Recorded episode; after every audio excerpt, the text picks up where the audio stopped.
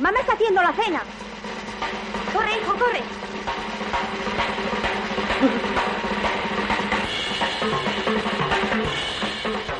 Enseguida está la cena, Roberto. Es que la lumbre no tira.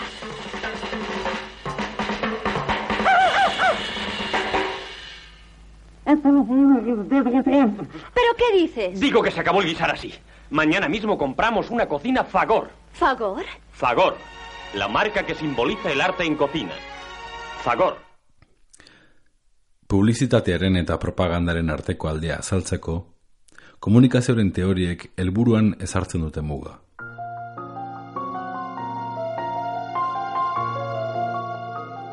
Publizitateak helburu ekonomikoak eta komertzela bilatzen ditu. Zeo zer saltzen du. Propagandak berriz, ideiak, dotrinak, iritziak edo sineskerak zabaltzen ditu. Antzekoak dira biak eta bakoitzak du bertzearen zeo zer. Haunitzetan nasteraino. Baina printzipioz propagatzeak beti suposatzen du iritziaren manipulazioa. Publizitateak aldiz, etekin ekonomikoa baino ez. Printzipioz.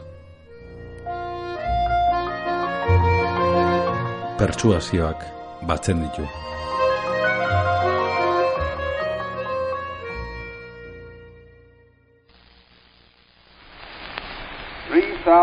Miles from home, an American army is fighting for you.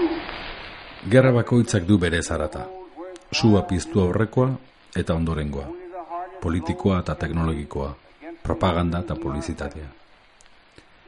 Lehen mundu gerraren soinurik ez da iritsi gaur daño. Haren propaganda hitzak ez diren bertzerik ez bentzet. Historia osoan, sekule entzungabeko zarataren teknologia masiboak gudazelaietan praktikain jarri zituen enfrentamendua izanik ere, apenas jaso dugu zarataren erabilerak borrokan izan zuen eragin ikaragarrin berri. Beranduegi bilutako oroitzapenak baino ez ezkigu geratzen. Soldaduek beren airera hartzen dituzten erabakiak maiz. Zarata artean galtzen ziren aginduak entzun ezinean. Edo kasulatzenean gor geratu zirelako.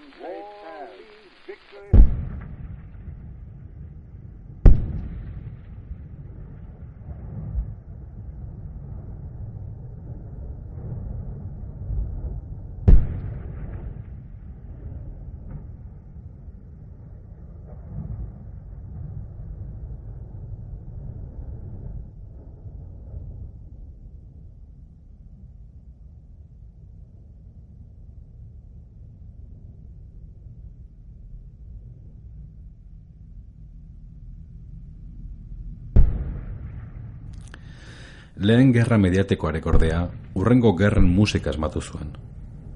Soilik, hogei urte beranduago lertuko zen bigarren mundu gerran egintzen zarataren erabilera pertsuasiboren bidez ikasi genuen, simbolikoki naiz fizikoki, gor geratzaren balio estrategikoa.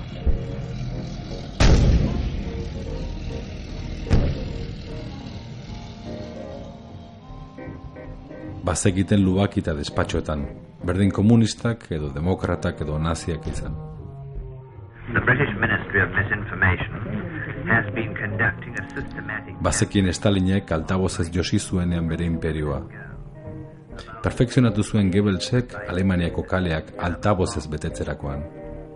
Eta anzten dugu guk gure altabozak inutxentziaz pizten ditugun aldi oro. Ezin du erraza izan gerran entzuteak.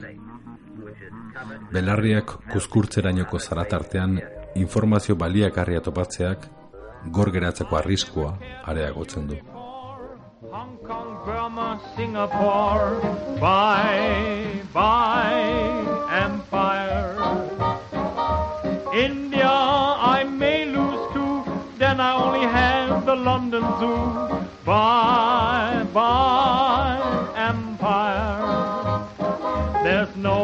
Who loves and understands me. Nothing but heaps of bad news they all hand me. The Yankees are still out of sight. I can't make out wrong from right. Empire, bye bye.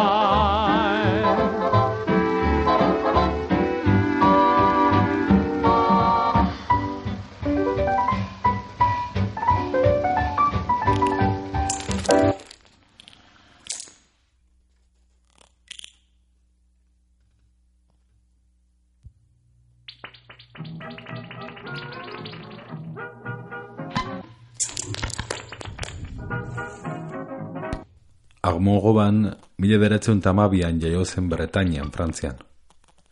Ikasketak burutu ala, berea zenbakiak baino letrak zirela ohartuta, literatur munduan topatu zuen bere ustezko babestokia. Hortarako, hizkuntzak menderatzea lanabes erabilgarria izango zelakoan, errusiera ikasi zuen gazterik, eta hogeita bat urte eskasekin, bertako kulturak eta ideologia komunistak sortutako jakiminak bultzaturik, Sovietar Republika Sozialisten batasunera alde egin zuen. за полный разгром немецких захватчиков, след немецких оккупантов. Да здравствует Turista bezala herrialdean sartu, eta gidari ofizialek erakusten ziotenarekin adosez, ies egin, eta bere kabuz ezagutu zituen gaurko erruseko nekazalguneak.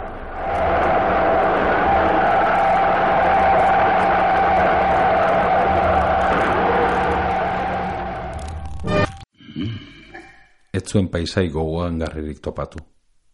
Han, Ukrainiako zelaietan, komunismoaren bertza aurpegia ezagutu zuen. Eta Moskun berriz, lehen aldiz bere hitzetan, kapitalistak ikusi zituen gozatzen.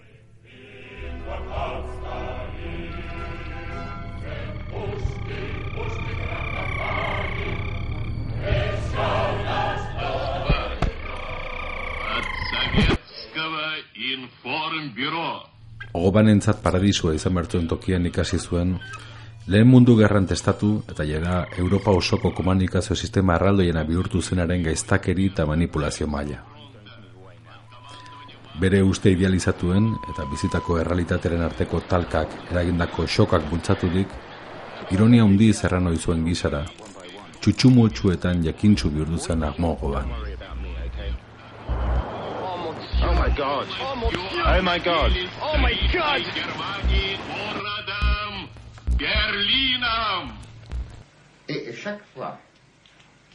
Ordurako, poeta, saiakera idazle eta itzultzaile frantsesak, gutienez hogei hizkuntza menderatzen dituen, eta berrogeita bat ulertzeko gai zen.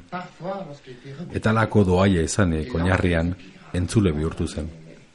Txutxumutxu eta zorromurroetan aditutako entzulea, irrati uinen espia une bihurtu zen. Aubert's terror, you get a sense of the ferocity and the scale of the blaze, all of which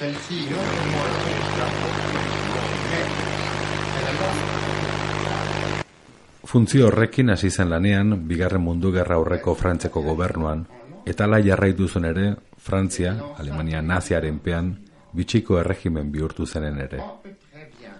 Han hasi zen idazten bere entzunaldi luzeak beltzan zituzten entzunaldien buletinak.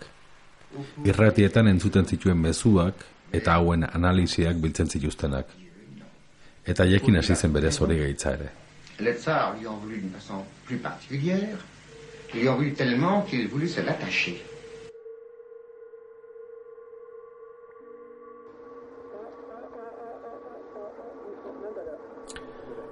Gauero, gizaki oro eta herrialde oro bihurtzen naiz. Itzala biltzen denean, nire bizitzatik alde egiten dut, eta neure buruari uparitzen dizkiodan irrati entzunaldien bidez, edo zein amets baino lasaigarriagoak diren nekeak konkistatzen ditut. Txinatarrek, Japoniarrek, Arabiarrek, Espainiarrek, Alemanek, Turkoek, Errusiarrek, denek egiten dute beren zaratatxoan ere gainetik. Nere soroak atzean ustera behartzen haute. Nere individualtasunaren izateren paretaren gainetik salto egiten dut, eta nerea ezten hitzaren bidez, gaueko eskamila zoragarriak dastatzen ditut. Han, nere ezerk ez nago espiatzen.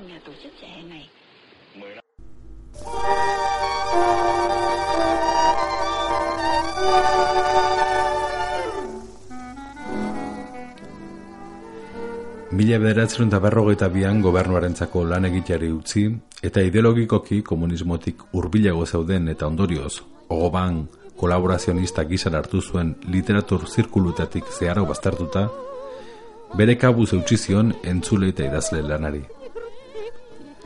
Bere kabuz argitaratu zituen entzunaldien buletin berriak eta politikoki ez markatzeko beharrak ia nahi gabe anarkismora hurbildu zuen.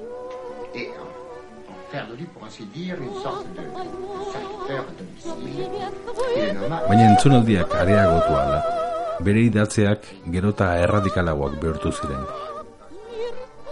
Propaganda sovietarrak eragindako zauriek eta bere bizilagunen gaitzespenak imagina daiteken entzule kritikoena bihurtu zuten goban. Gupida gabea batzutan.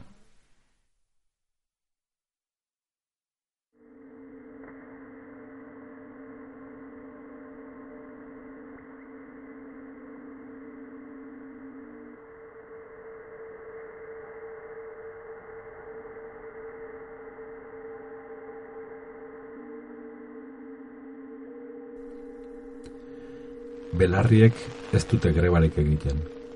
Ezen dute lanean huts egin. Hitzik gabe, hitza baino ez naiz bihurtzen. Hizkuntzarik gabe, hizkuntza oro naiz. Eta hizkuntzen nasmas guzi horren artean, zurrumurri itxura duen ezina oskatutako lenguaia ezten bat entzuten dut. Diktadoreak bere ametxo berenetan bezala, unibertso osoaren jabe balitz, etengabeko txutxumutxu erraldoia esmatuko luke. Benetan isiltasun beldurgarri bat baino edukeko ez duen zurrumurru erraldoia. Erdi aroa eta mentalitate primitiboa soilik gure aroan hasi dira benetan existitzen. Azken finean, gizaderen zati handi batek ez du benetako egirik gehiago nahi. Nahiago du zurrumurru zeinguratuta bizi.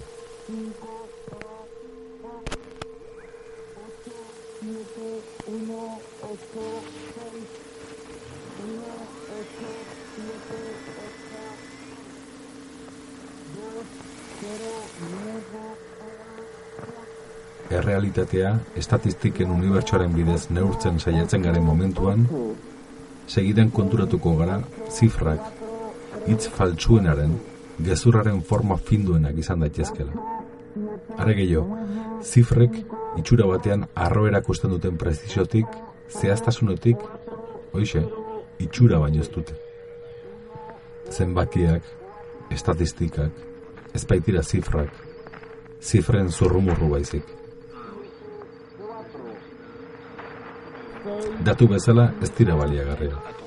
Gehienez, bertze bi zifren erlazio erakusten dute. Eta horrek bi ausentzien arteko lotura abstraktoa baino ez du ematen emaitza gizara. Inoiz ez da deus erraten, eta erraiten den hori ez da deus. Ez dago gertakizunik. Baina, burugabeek beraien erotasunaren beharra duten bezala, kondenatuek berain kondena behar dute. dos, cero, nueve, una, siete. Cero, cuatro, ocho, ocho, ocho. Seis, ocho, cuatro, tres, ocho.